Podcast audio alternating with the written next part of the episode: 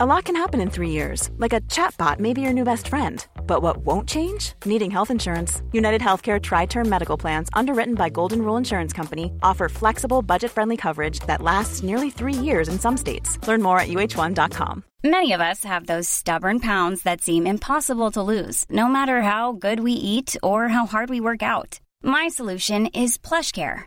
PlushCare is a leading telehealth provider with doctors who are there for you day and night to partner with you in your weight loss journey. They can prescribe FDA-approved weight loss medications like Wagovi and Zepbound for those who qualify. Plus, they accept most insurance plans. To get started, visit plushcare.com slash weight loss. That's plushcare.com slash weight loss. I'm Sandra, and I'm just the professional your small business was looking for. But you didn't hire me because you didn't use LinkedIn jobs. LinkedIn has professionals you can't find anywhere else, including those who aren't actively looking for a new job, but might be open to the perfect role, like me. In a given month, over 70% of LinkedIn users don't visit other leading job sites. So if you're not looking on LinkedIn, you'll miss out on great candidates like Sandra. Start hiring professionals like a professional. Post your free job on linkedin.com/achieve slash achieve today.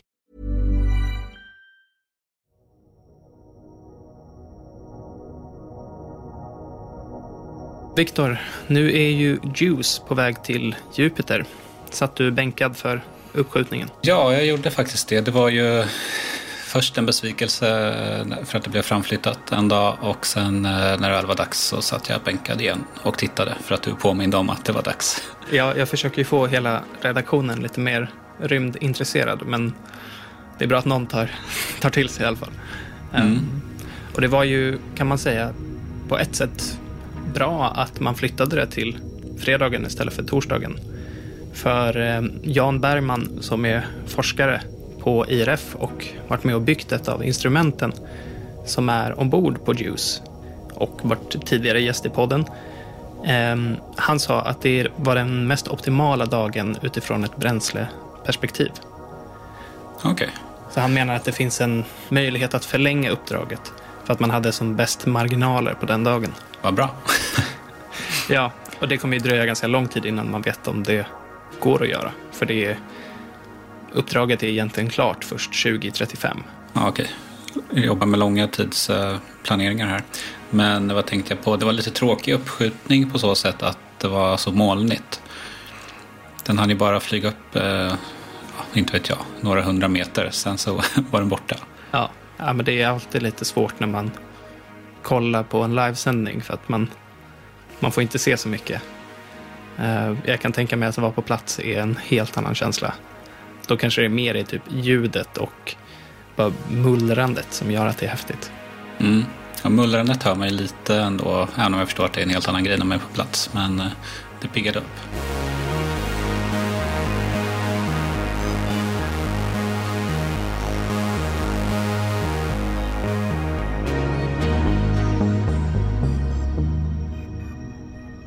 Hej och välkomna till Intergalaktiskt. Ditt lugn i solstormen med mig, Bill Borå och med Viktor Krylmark. Hej. Det här är en podcast om rymden som görs av Ny Teknik.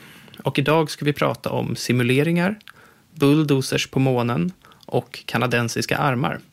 Är du redo? Ja, det där låter ju superspännande eh, faktiskt. Vi får hoppas på det. Då kör vi. Rymden är dyr att åka till. Att göra tester i rymden är väldigt svårt.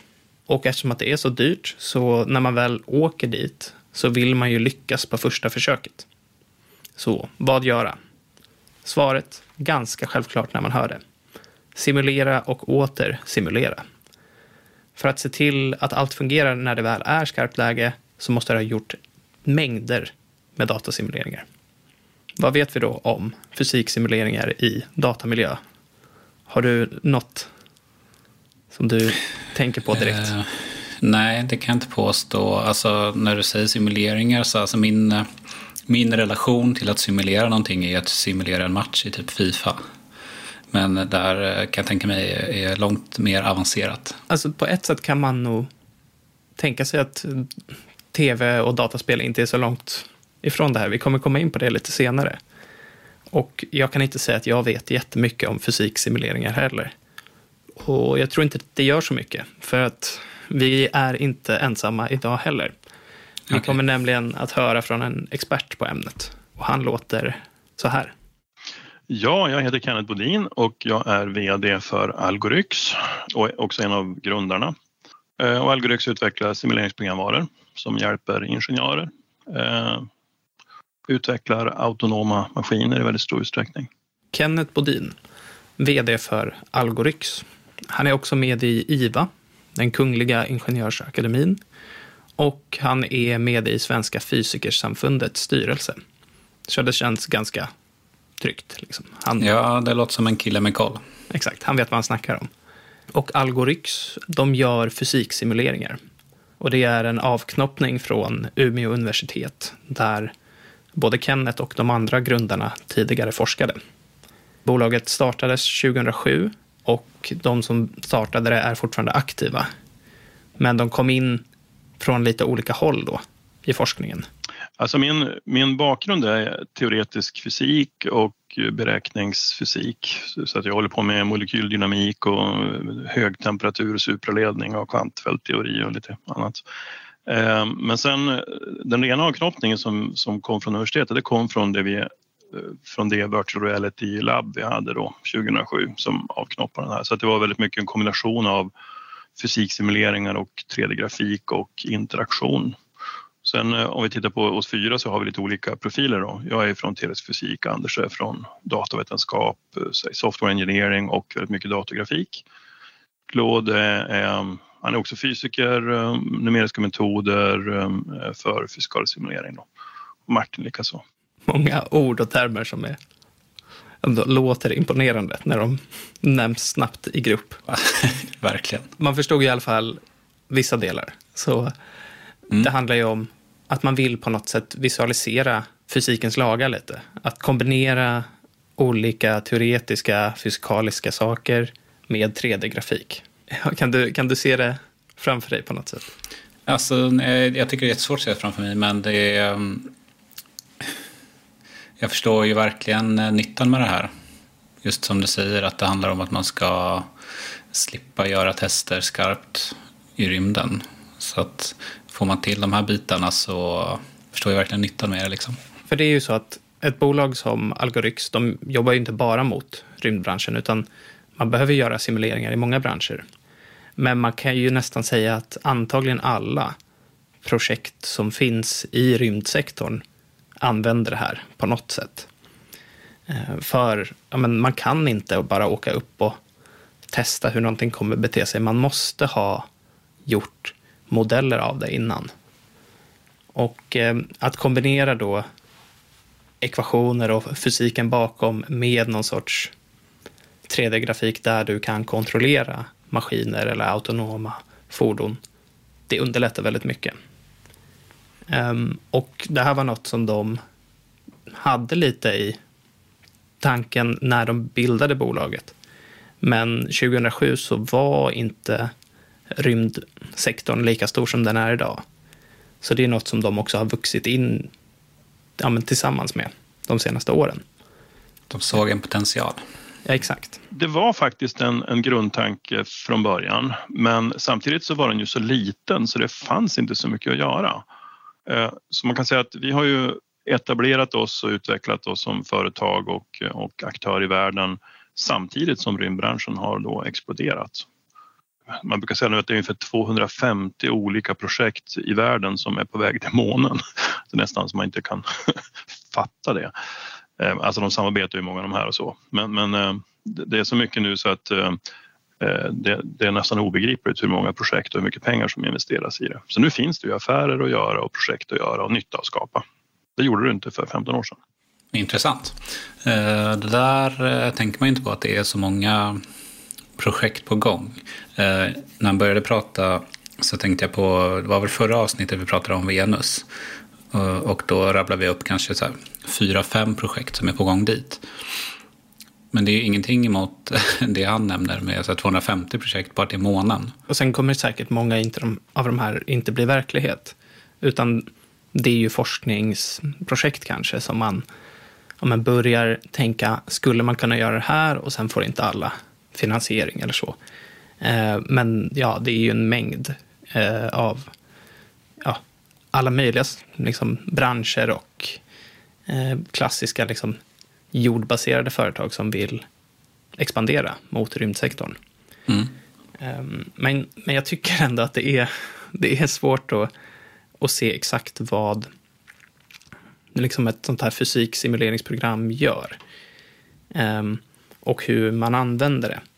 Det är liksom väldigt svårt att, att bara greppa för att här, om man räknar på fysik så kan man ju förstå att okej, okay, men man kan ställa upp formler, man kan, jag vet inte, rita upp en, en boll och ja, men räkna ut att om jag kastar den med den här hastigheten åt det här hållet så kommer den falla till marken här och så här.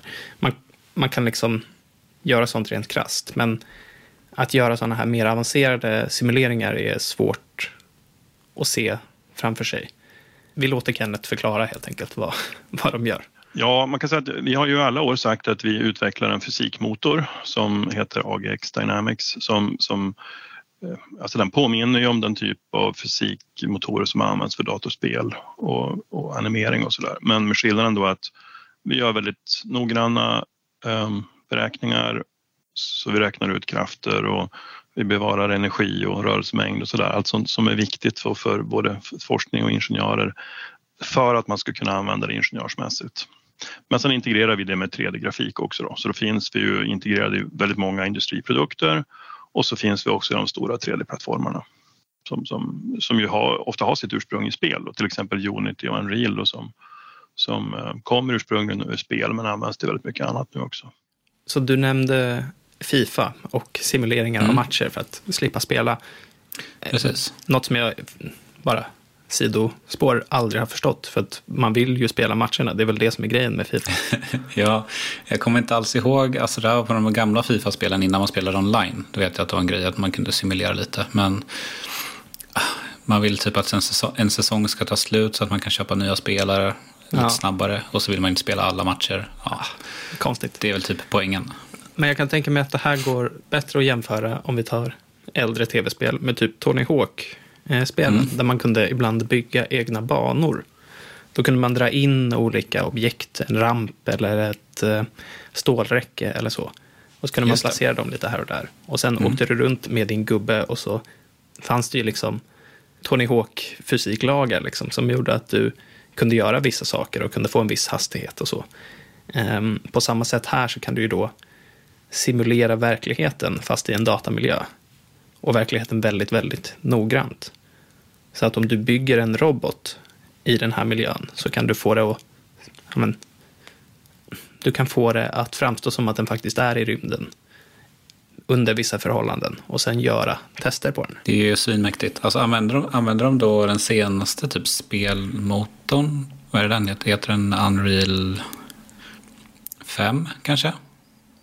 Den som alla, alla spelutvecklare nu använder till att utveckla spel till Playstation 5. Mm. Ja, men Som gör att det är super, super krispigt och super verkligt. Ja, nej, men så Kenneth nämnde ju både Unity och eh, Unreal, att man då kan koppla samman deras fysikmotor då, alltså det som blir reglerna för den här världen med de här eh, spelmiljöerna. Och så kan man ju då helt enkelt dra in skisser av dina maskiner och bara börja testa dem. Det är också ett sätt för att ganska smidigt lära upp AI-system. Ofta vill man ju kunna använda det här tillsammans med CAD och så man kan använda CAD-modeller som ursprung för, för ingenjörsmässiga modeller. Och sen vill man också koppla ihop det med kontrollsystem och AI, alltså maskininlärningssystem. För att man, man vill inte bara simulera, det är, en, det är en viktig del, men man vill också ha sensorsimulering och så vill man kunna plocka sensordata och in i till exempel eh, djupa neuronnät då, som man använder för eh, datorseende eller planering eller styrsystem och så. Och även klassiska styrsystem för robotar då, och maskiner. Här blir det ju direkt komplicerat igen. Ja, jag skulle säga det. Alltså jag, förstår typ ingenting av vad han säger. Han typ, äh, det, är, inte bara simulera utan du måste också sensorsimulera. Och sen så måste du ha sensordata. Typ, Okej. Okay. Nu ska jag försöka förklara, så det är möjligt att det blir lite fel här. Eh, men jag tänker mig en, en maskin som vi har i rymden. Det är ju mer än bara en maskin. Du, den gör ju saker, men du måste ju också se, ha sensorer för att se, okej, okay, vad tar den in för data? För den datan kommer du sen vilja använda för att lära upp den själv och nästa. Det är liksom, man tränar ju AI-system på jättestora mängder data. Så även i en fysiksimulering, första gången du har en maskin där inne och du gör någonting, det är ju svårt att ha liksom, eh, lärt upp den maskinen utan att ha gjort simuleringarna till att börja med.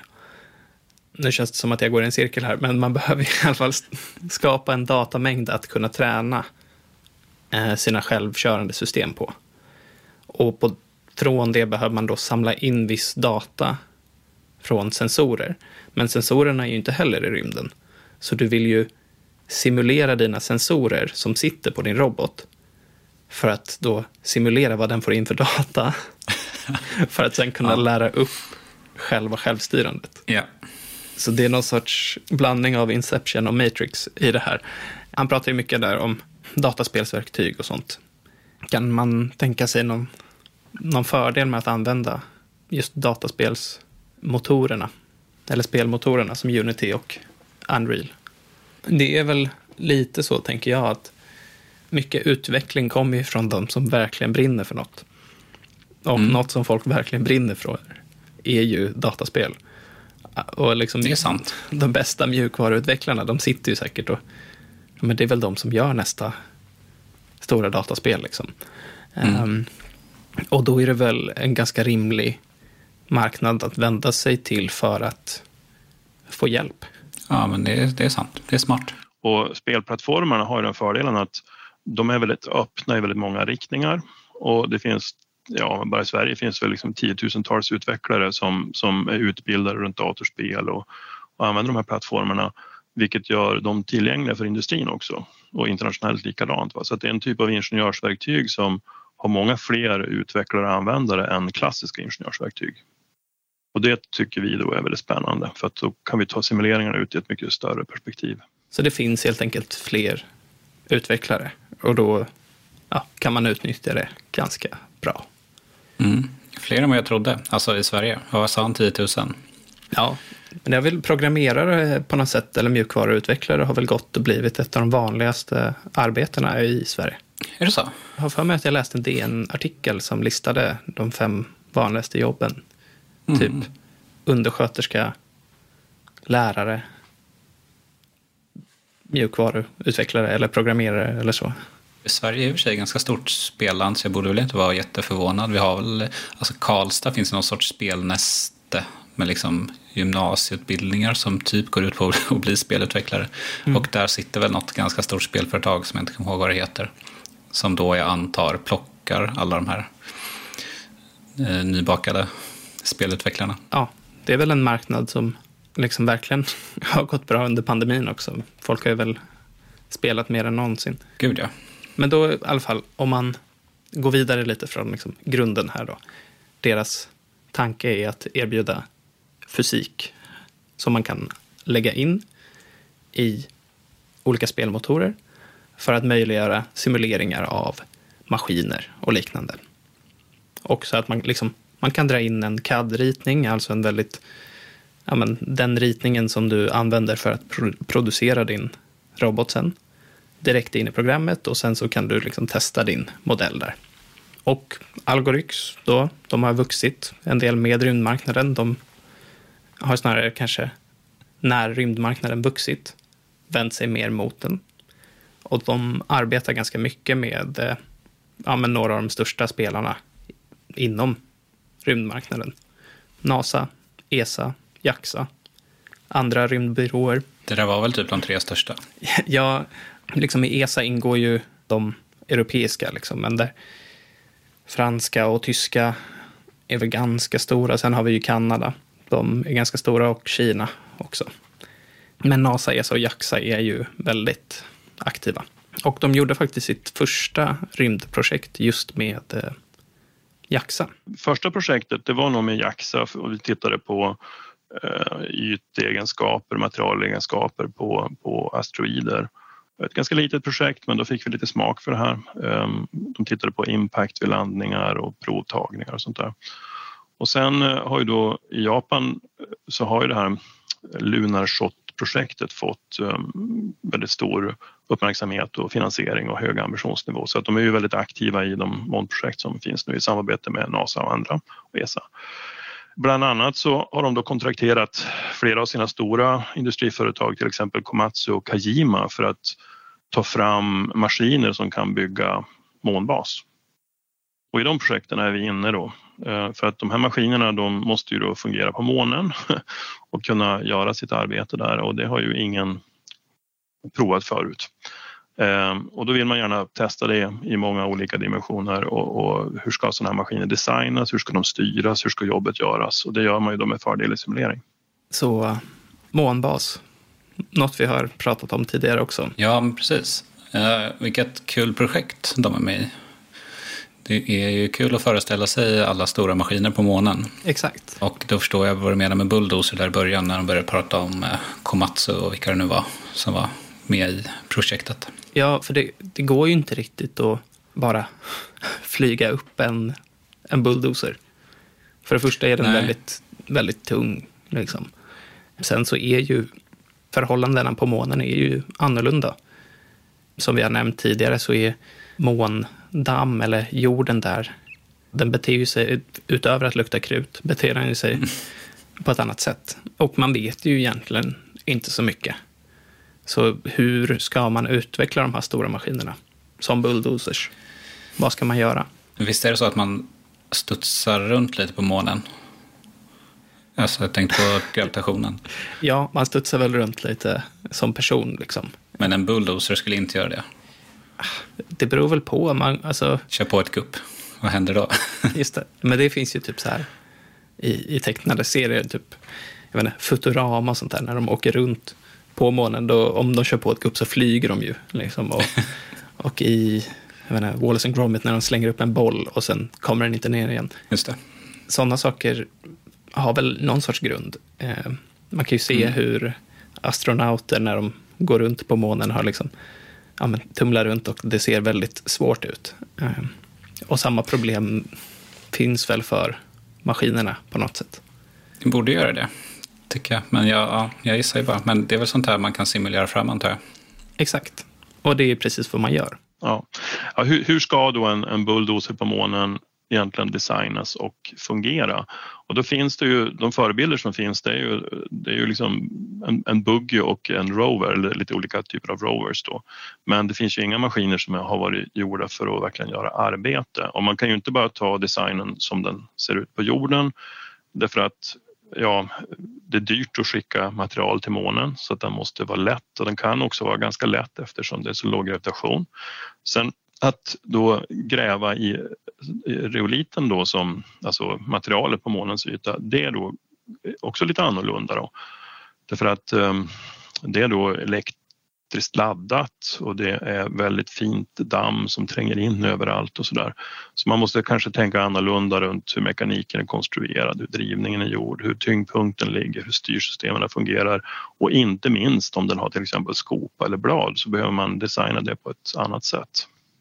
Så det är, det är som att den här teknikstegen som vi har byggt på jorden där allting bygger på tidigare erfarenhet, den är ju inte så lätt att föra över till månen för nästan ingenting kan ju förväntas fungera på, fungera på månen. Ungefär som vi sa då. Det är, liksom, det är svårt att veta. Vi har inte så mycket att utgå från. Det låter som ett uh, omöjligt uppdrag nästan, tycker jag. Samtidigt så kan vi ju fysiken. Så det går liksom att göra sådana här simuleringar som verkligen möjliggör. Sen kommer det alltid vara liksom saker som man inte kan liksom förutspå eller så, som kommer påverka. Och då kan man ju när något händer ta den datan och lägga in i nästa runda simuleringar innan man bygger då ja, men bulldozer nummer två. Men det som är bra med fysiksimuleringar är att man inte behöver börja med att testa i skarpt läge. Du kan helt enkelt göra jättemånga olika modeller, se skulle det här kunna gå eller inte. Det ska bli kul att se hur en månbulldozer skiljer sig från en jordbulldozer. Den måste ju nästan vara lite mer nätt. Liksom. Ja, jag tänkte ju tvärtom, att den måste vara svintung. Jag är, jag är fortfarande inne i det, här med gravitationen, att det kommer att ställa till det. Men det beror lite på vad man ska göra också, antar jag. I slutändan så kommer den ju också ha någon sorts schysst futuristisk design, antar jag. Ja, Jag hoppas på att det inte blir som Elon Musks, den här bilen som har börjat Jaha, åka runt. eh, Cybertruck. Just det. Jag hoppas att det Mm. inte kommer se ut så. Det tycker jag är riktigt fult. Ja, jag gillar den. det är något med de där skarpa linjer, linjerna som är tilltalande. Tycker jag. Det känns som en så gammal syn på framtiden på något sätt. Ja, jo, det är i och för sig sant. Den är lite retro-cyberpunk på något Ja. sätt.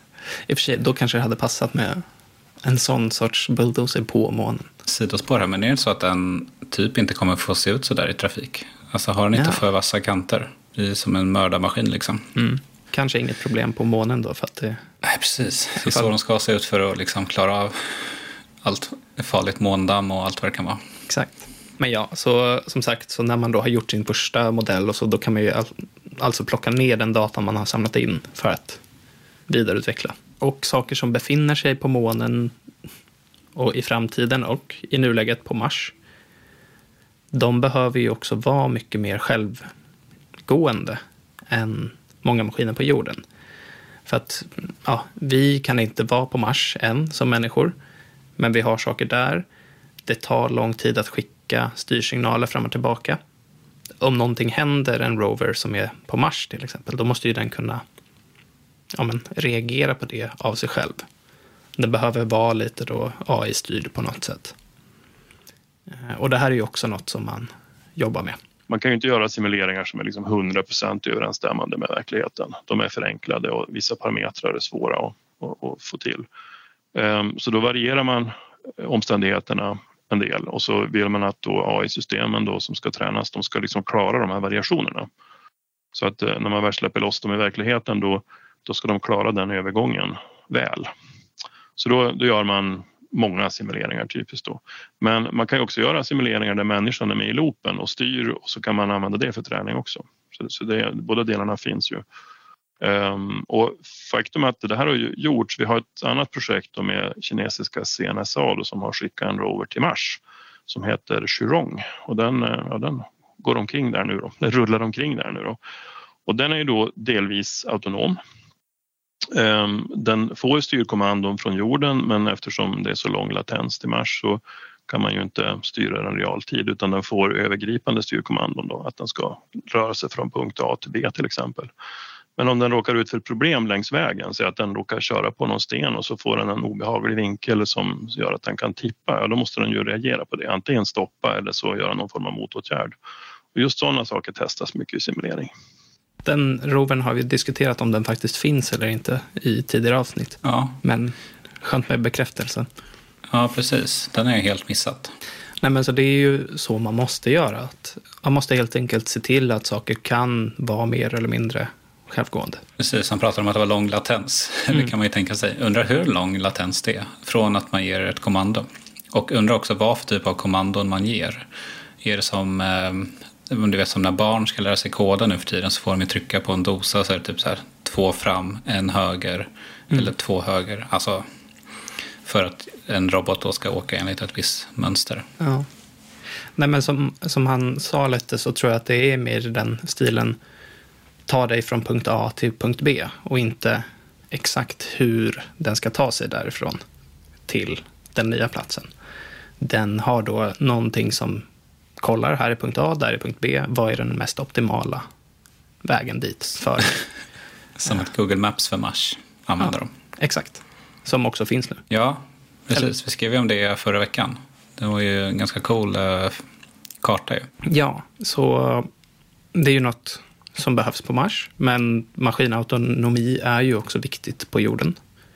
Och som så ofta är fallet eh, så ligger rymdsektorn kanske lite före Eh, och visar hur det kan gå till här på jorden. Kenneth har delat upp det i lite olika steg för att kunna nå helt självgående maskiner. Så att där har man maskiner som styrs av människor lokalt. Ehm, och sen i nästa steg tänker man sig att man har autonoma algoritmer som ger tips och övervakar vad människan gör så att eh, de, det blir mer ett stöd. Då. Och sen i ytterligare ett skede så kan man tänka sig AI-algoritmer som är då autonoma men som övervakas av människan hela tiden då. Så att man har hela tiden en människa som följer vad den gör och kan avbryta och ta över. Det är som en sån här körskolebil.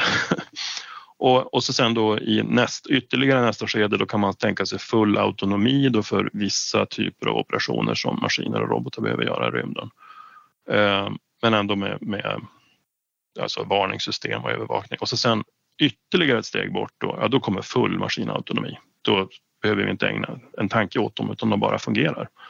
Men den här flerstegsstrategin den för vi nu också över då i de projekt som vi arbetar med på jorden, säg i skogen, i gruvor, i ja, så vidare, fabriker. Vissa av de här är man ju, kan man ju se mer eller mindre. Eh, du testkörde ju en Tesla för inte så länge sedan. Ja, De har ju stämmer. en viss del av det här. Så man kan ju låta bilen göra vissa saker och så sitter man ändå i den och har liksom både ansvar och kan bromsa och så. Precis, han eh, beskrev det ganska bra där med att man är som en körskollärare. Ja, men exakt. Olika grader av självstyrande maskiner och algoritmer är ju något som kommer komma på framtidens rymdfärjor och olika satelliter i rymden. Um, och ett mer specifikt projekt som Algoryx också jobbar med är det som kallas Canadarm 3. Och det är då en uppföljare till Canadarm 1 och Canadarm Stark 2. namn. Verkligen.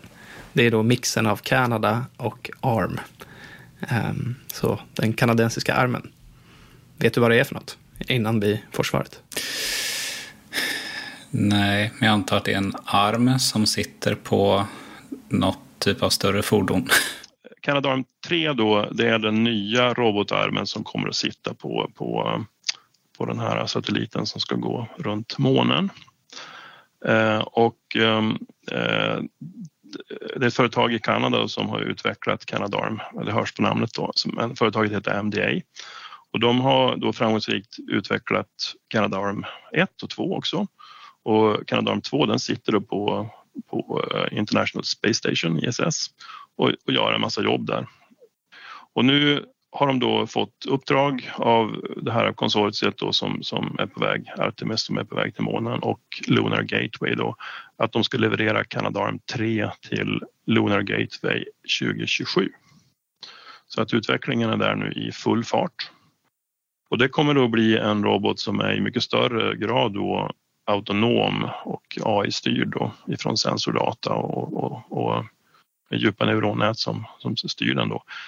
Um, som ska göra en massa uppgifter, forskningsuppgifter, reparation, uh, infångning av dockande rymdskepp som kommer till den. Alltså, uh, så den, är, den är central i, i Lunar Gateways funktion. Så det är egentligen en, en arm då som som man säger, som kommer sitta på Lunar Gateway. Man kan väl kalla det en ISS för månen på ett sätt. Så det är den som framtida månfärjor kommer åka till docka och sen kommer det vara en, en liten mindre då rymdresa från Gateway ner till framtidens månbas och så går den upp och ner och så fram och tillbaka som en sorts mötesplats eh, för mm. astronauter som kommer från jorden och kommer från månen och hoppar fram och tillbaka. Häftigt. Och där då kommer den här armen sitta och den är precis som sina föregångare lite som en liksom, armékniv med massvis av olika verktyg. Um, så åker den runt och liksom, gör saker. Menar en schweizisk armékniv? Ja, uh, det menar jag. Men jag vill inte säga Schweiz, för jag kan inte uttala det rätt. Så jag, okay. jag hoppade över det, men det, den fick ja. det ändå. Canadarm 1, eller då bara Canadarm, satt på Eh, Eh, den gamla rymdfärjan som heter Space Shuttle eh, och som användes av NASA mellan 81 och 2011. Och som Kenneth sa så sitter Canadarm 2 på ISS. Vi pratade lite mer också om vad man gör för sorts simulationer. Och ett användningsområde för när man ska styra någonting som Canadarm 3 kan också vara att utveckla någon sorts simulatorer där en astronaut eller den som ska styra någonting kan öva innan det blir skarpt läge. Jag tänker mig som någon sorts spelautomat i en arkadhall. Så du sitter i någon grej och så kan du öva på det här specifika uppdraget jättemånga gånger innan det blir på riktigt. Att till exempel då ta emot en rymdfärja som kommer från jorden så att den kan docka korrekt. Och då kan man då göra massa tester. Också lite som när man ja, vissa gör det innan de tar körkort nu, att de sitter i sådana bilspel. Är det så? Ja, jag vet inte om det har tagit sig till Sverige, men jag har sett sådana bilsimulatorer i andra länder i alla fall. Alltså jag har sett att sådana typer av spel har blivit jättestort. Att man sitter och kör lastbil liksom. Ja, Och kör då riktiga så här, fyra timmars körningar. jag förstår inte hur Jo. man... Nej, obegripligt. Är det då att man tycker att det är liksom spännande? Det, kan man inte köra lastbil då istället? Alltså, Ja, precis. Det finns ju ett jobb för att, att äh, hämta där liksom. exakt. Men, men vi pratade i alla fall, jag och Kenneth, också om liksom, utvecklingen av sån här sorts teknik. Och som man nämner, den kommer ju vara väldigt AI-styrd och mer autonom än tidigare robotar. Och att man kanske inte kan låsa in tekniken redan nu. För AI utvecklas ju väldigt snabbt. Så det kommer säkert hinna hända ganska mycket innan den här armen är färdig 2027 då. Så vi vill inte, eller de vill inte frysa in tekniken. Nej, det är väl rimligt. Så det är inte helt hundra hur den här kommer se ut. Och mjukvaran kommer alltid gå att liksom uppdatera till viss del i efterhand också. Känner du att du har en bättre koll på fysiksimuleringar nu? Efter Ja. en halvtimme?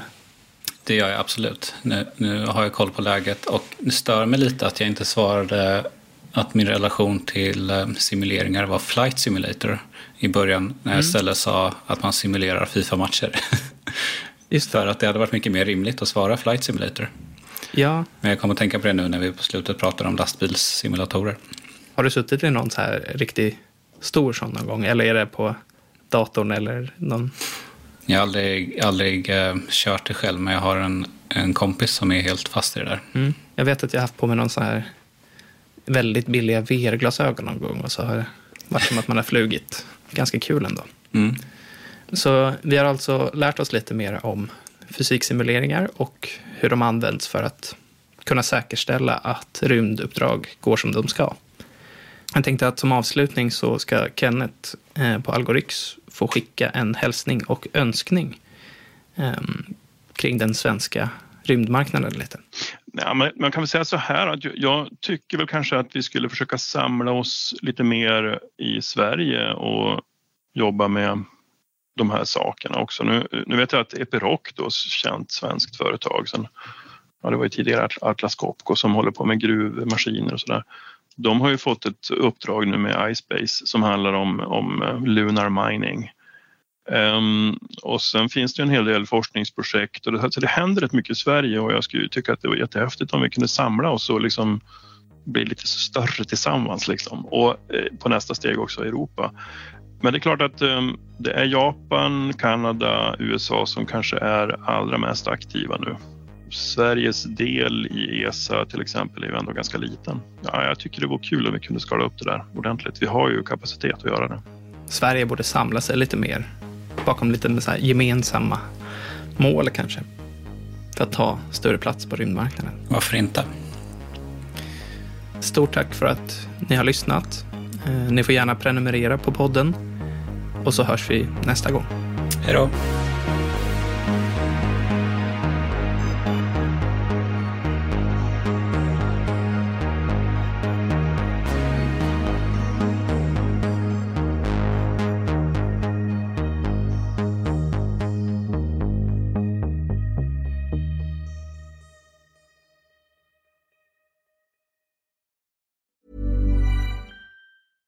I'm Daniel, founder of Pretty Litter. Did you know cats tend to hide symptoms of sickness and pain? I learned this the hard way after losing my cat, Gingy. So I created Pretty Litter, a health monitoring litter that helps detect early signs of illness by changing colors, saving you money and potentially your cat's life. Pretty Litter is veterinarian developed, and it's the easiest way to keep tabs on your fur baby's health right at home. Go to prettylitter.com and use code ACAST for 20% off your first order and a free cat toy. Terms and conditions apply. See site for details.